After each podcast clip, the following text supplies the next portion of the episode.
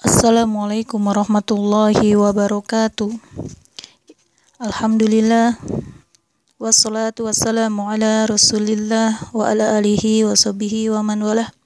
Asyhadu an la ilaha illallah wa asyhadu anna Muhammadan abduhu wa rasuluhu amma ba'du.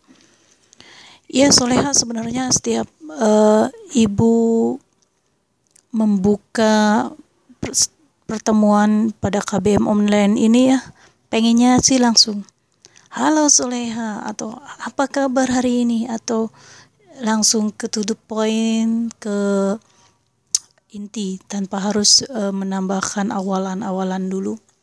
Tapi uh, bagi ibu sebagai seorang muslim rasanya ada yang kurang kalau tidak memulai majelis dengan mengucapkan puji-pujian puji syukur kita kepada Allah dan juga menegaskan kembali syahadat kita. Jangan lupa juga sholat, sholawat ya. Itu sangat penting sekali ya. Kenapa mungkin pengennya sih itu kalau menuruti keinginan ibu sendiri sih pengennya Hai anak-anakku, kita kembali berjumpa kembali di KBM Bahasa Indonesia pada pertemuan kali ini. Tapi ya itu kita kembalikan lagi ya. Kurang kurang gregetnya karena majelis yang baik adalah majelis yang dimulai dengan kalimat-kalimat thayyibah ya kepada Allah Subhanahu wa taala.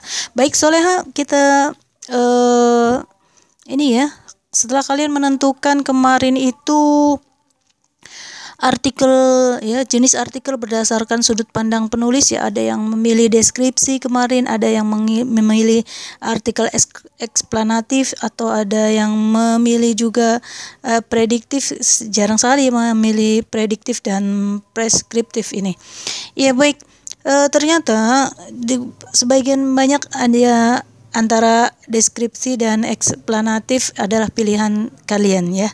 Baik, artinya kalian sudah menggambar membayangkan bagaimana kalau membuat artikel uh, jenis deskripsi ya dan juga jenis eksplanatif. Nah, setelah kalian mempunyai ya mempunyai motivasi itu, mempunyai gambaran ya uh, pilihan kalian itu, jadi kemungkinan besar kalian akan mudah sekali untuk membuat artikelnya. Begitu. Oke, okay, Soleha. Uh, sebelum ibu minta kalian membuat atau lebih memperdalam lagi mengenai artikel ya, kita lihat dulu apa uh, ibaratnya senjata yang harus kalian miliki untuk lebih mengenal seluk-beluk artikel atau uh, perangkat-perangkatnya di dalam artikel itu apa saja yang kalian mesti tahu. Ya, pada analisis ya artikel dan setiap uh, teks juga pasti ada unsur kebahasaannya. Nah, unsur kebahasaan ini yang membangun suatu teks itu biasanya lebih dominan, ya. Apa saja pada unsur artikel dari kebahasannya kita lihat ada adverbia. Apa itu adverbia? Ya selama ini kita uh, kenal adjektif, verba ya. Nah, adverbia sebenarnya kakak kita udah kenal ya, yaitu kata apa?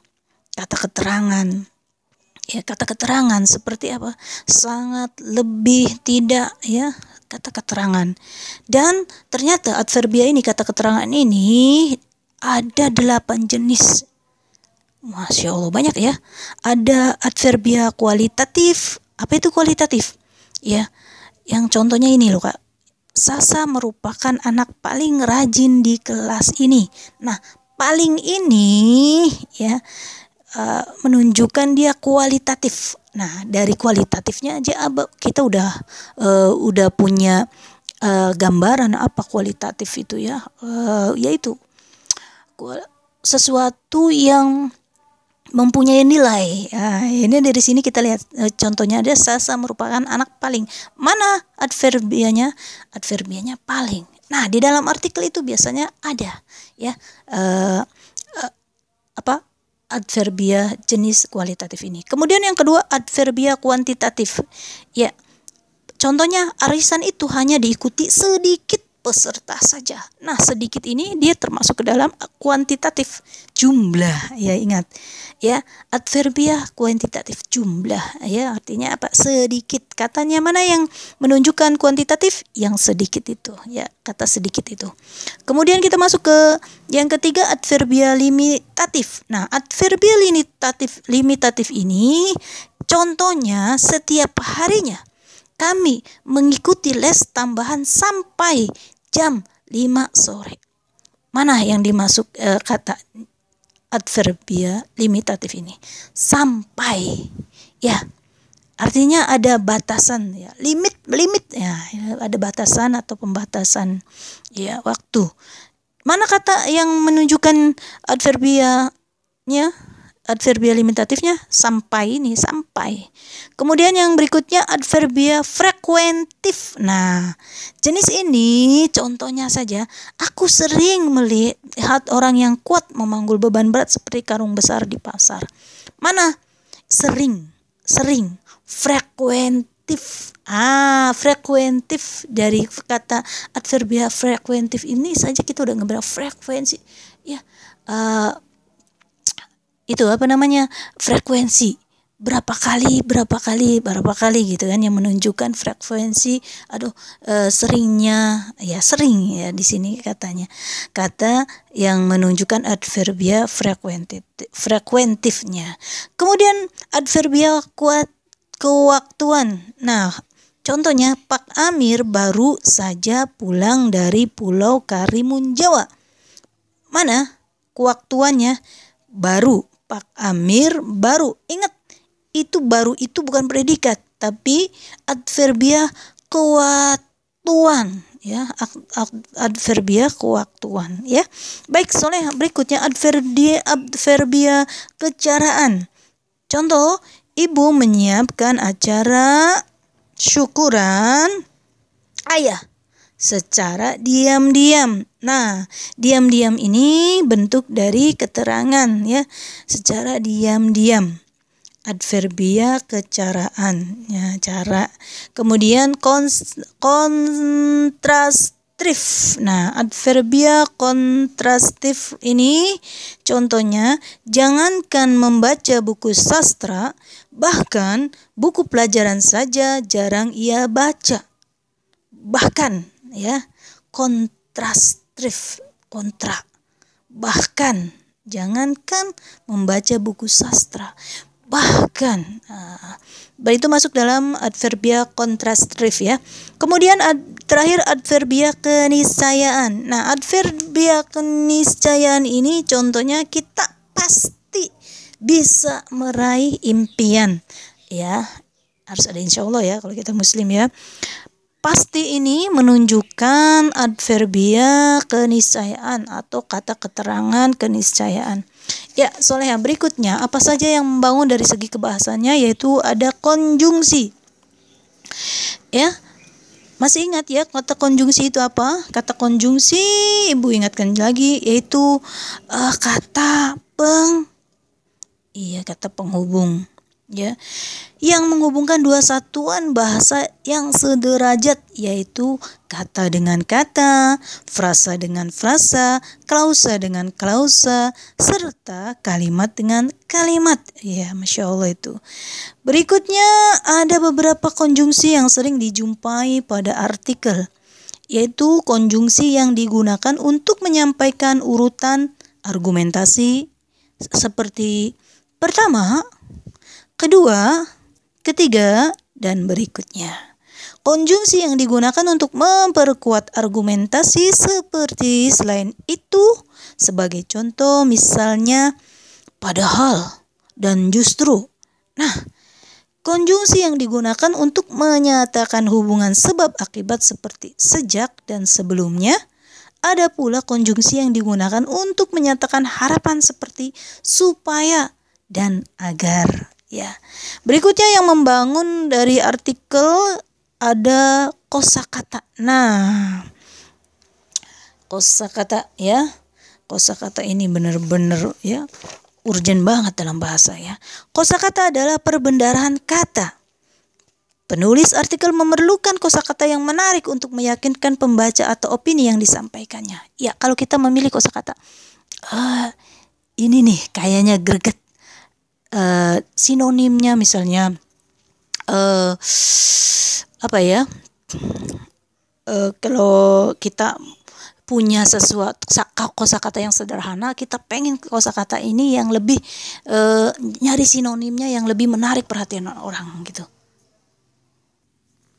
Ya, kalau kosakata yang kita yang kita ambil itu menarik untuk artikel kita, maka artikel yang kita sajikan itu insya Allah menarik buat orang lain untuk uh, tertarik membacanya. Ya, berikut beberapa aspek yang mempengaruhi penggunaan kosakata agar sebuah artikel menjadi menarik. Istilah umum, ya, aktual, fenomenal, keterangan oposisi kita lihat dulu sebentar ya, ada apa aja.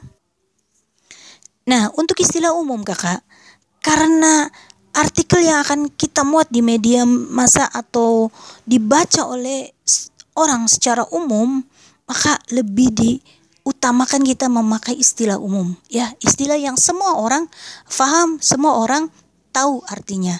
Nah, kalau istilah khusus itu kan hanya orang-orang yang yang masuk intelektual ya yang berpendidikan yang uh, profesional yang terpelajar itu mengerti istilah khusus biasanya seperti itu.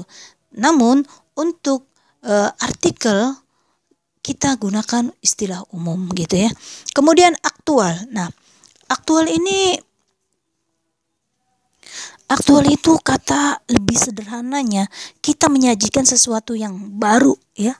Walaupun mungkin masa pandemi ini oh banyak tulisan tentang pandemi tentang uh, eh, COVID-19 tapi kita sajikan dengan sudut pandang kita yang baru ya. Mungkin dari segi uh, apa segi yang tidak biasa ya. Tapi uh, tetap kita tidak keluar dari konteks uh, faktanya ya. Tapi dari sudut pandang kita kita membuat sesuatu yang baru. Ah bisa enggak gitu. Nah berikutnya ada fenomenal. Aduh, fenomenal ini eh, yang ibu rasakan adalah ketika jurnalis membuat suatu atau membuat judul artikel, ternyata kebanyakan sering sekali mereka antara judul artikel dengan isi itu berlawanan dan tidak tidak tidak nyambung gitu. Ya. Tapi ya kenapa? Kalian tetap bisa untuk menggunakan uh, apa fenomenal fenomenal ini ya kosakata yang fenomenal ini. Itu dengan cara apa? Dengan cara tetap nyambung antara judul dan isi dari artikel, artikel ini. E, contoh sebuah e, judul yang cukup fenomenal yaitu e, apa? Bodoh amat atau hidup kreatif dan bodoh amat di industri pembajakan buku ya atau juga e, pernyataan seseorang tokoh yang biasanya ada yang kontraknya. Tapi kontraknya itu ya kita masih bilang wajar dan tidak tidak keluar jalur dari uh, adab atau sopan santun kebahasaan ya. Kita ambil gitu. Misalnya uh, kita bikin judul yang mem, apa mem, berkesan yang berkesan fenomenal itu. Ya ibu masih tergelitik nih. Uh, ada teman kita ya kalau nggak salah Mbak Ayas ya. Mbak Ayas punya buku yang berjudul sebuah seni untuk bersikap bodoh amat ya. Itu buku yang udah tertranslate uh, translate dari buku asing ke dalam bahasa Indonesia ya. Mana yang dibilang e, fenomenalnya? Bodoh amatnya ini ya bodoh amat itu selama ini kalau kita unggah-ungguhnya kejawaan atau kalau kita ketimuran ya bodoh amat itu terkesan kasar gitu. Nah bagaimana seorang penulis ini memasukkan ini tapi enggak terkesan kasar gitu? Sekarang coba sebuah seni untuk bersikap bodoh amat ya. Memang agak kontroversial gitu kan tapi ya itu dia orang jadi tertarik. Bahkan uh, Mbak Ayas juga juga beli gitu kan. Nah itu dia. Jadi uh, uh, cari judul yang benar-benar bisa membuat orang wah unik nih Uh, tapi jangan sampai judul yang unik-unik itu eh nggak relevan dengan isinya. Ternyata isinya berbeda gitu kan. Nah ini banyak sekali uh, ataupun uh, yang kita rasakan di uh, YouTube atau di ini ya di video-video itu judulnya benar-benar uh, fenomenal ya. Judulnya benar-benar membuat kita ingin klik tapi ternyata isinya hmm, no gitu kan. Isinya tidak berkualitas seperti apa yang uh, apa yang judulnya begitu. Tidak ya kita harus tetap mematuhi uh, konsep pertama kejujuran ya di fakta di artikel ini. Nah ini ada keterangan opo oposisi yang terakhir ya dari kosakata ya. Keterangan oposisi. Hmm, ini sesuatu yang baru kita ini ya. Uh, op, keterangan oposisi contohnya kalau di sini kita lihat contohnya Pak Hardi koma, Kepala sekolah kami, koma, memberikan pidato ucapan selamat jalan pada acara perpisahan. Nah, frasa kepala sekolah ini, ya frasa itu terdiri dua kata itu ya. Kepala sekolah ini yaitu kami merupakan keterangan posisi dari subjek kalimat yaitu Pak Hardi ya. Pak dikasih koma. Pak Hardi, koma kepala sekolah kami, koma, ya. Begitu, Soleha. Baik, baik, baik, Soleha. Masya Allah. Ya, e, karena pertemuan ini kemungkinan pertemuan depan kita udah masuk e, kita ujian untuk e, bab ini ya. Jadi kita habiskan saja materinya pada pertemuan kali ini. Kita masuk ke dalam penyusunan artikel dengan memperhatikan fakta ini bagaimana? Ya. Yaitu perhatikan dulu judulnya. Habis perhatikan judul pembuka. Ada kemudian berikutnya isi dan penutup atau simpulan. Ya ini struktur ya maksudnya ya, gitu kan. Jadi struktur dari artikel karena setiap teks atau bacaan ya itu pasti memiliki struktur ya. Kalau kita pengen uh, ingin mem tersistematis ya apa yang kita buat itu ya kita lihat struktur yang uh, syarat struktur uh, dari teks yang akan kita buat itu kita harus tahu gitu. Nah, anak-anakku, di artikel ini jadi strukturnya ada judul, pembuka, isi, penutup atau simpulan. Baik. Kenapa judul? Ya, Judul itu mewakili tema yang akan kita bahas.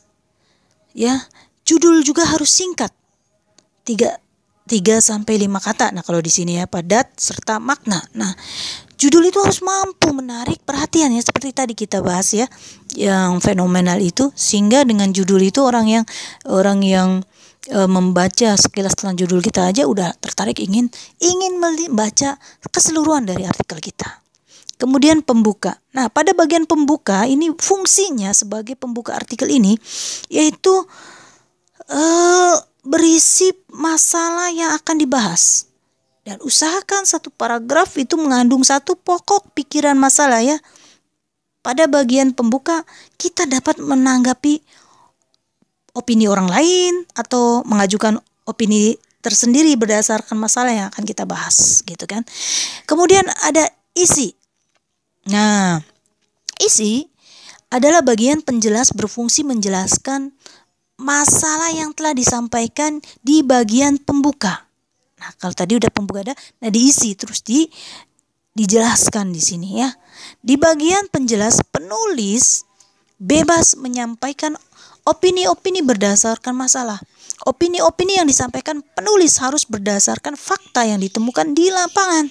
Penulis menghindari opini yang tidak berdasarkan fakta atau seenaknya sendiri itu ya.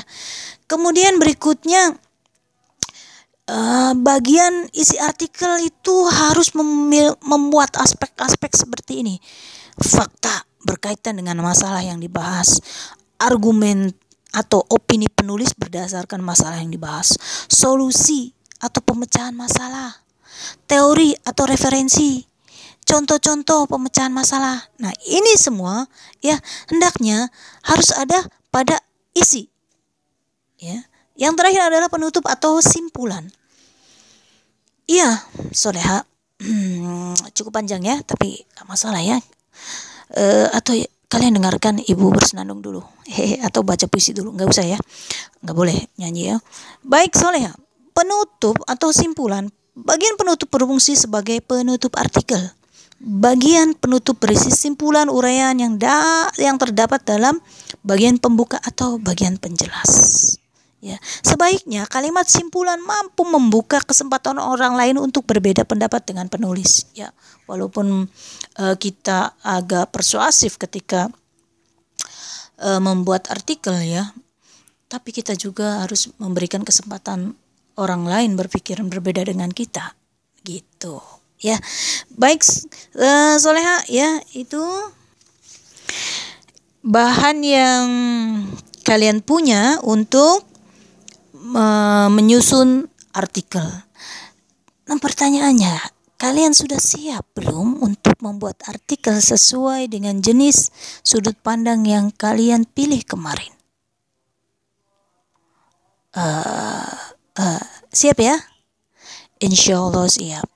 Ibu nggak perlu banyak-banyak bikin artikelnya ya, uh, nggak nggak sampai berlembar-lembar.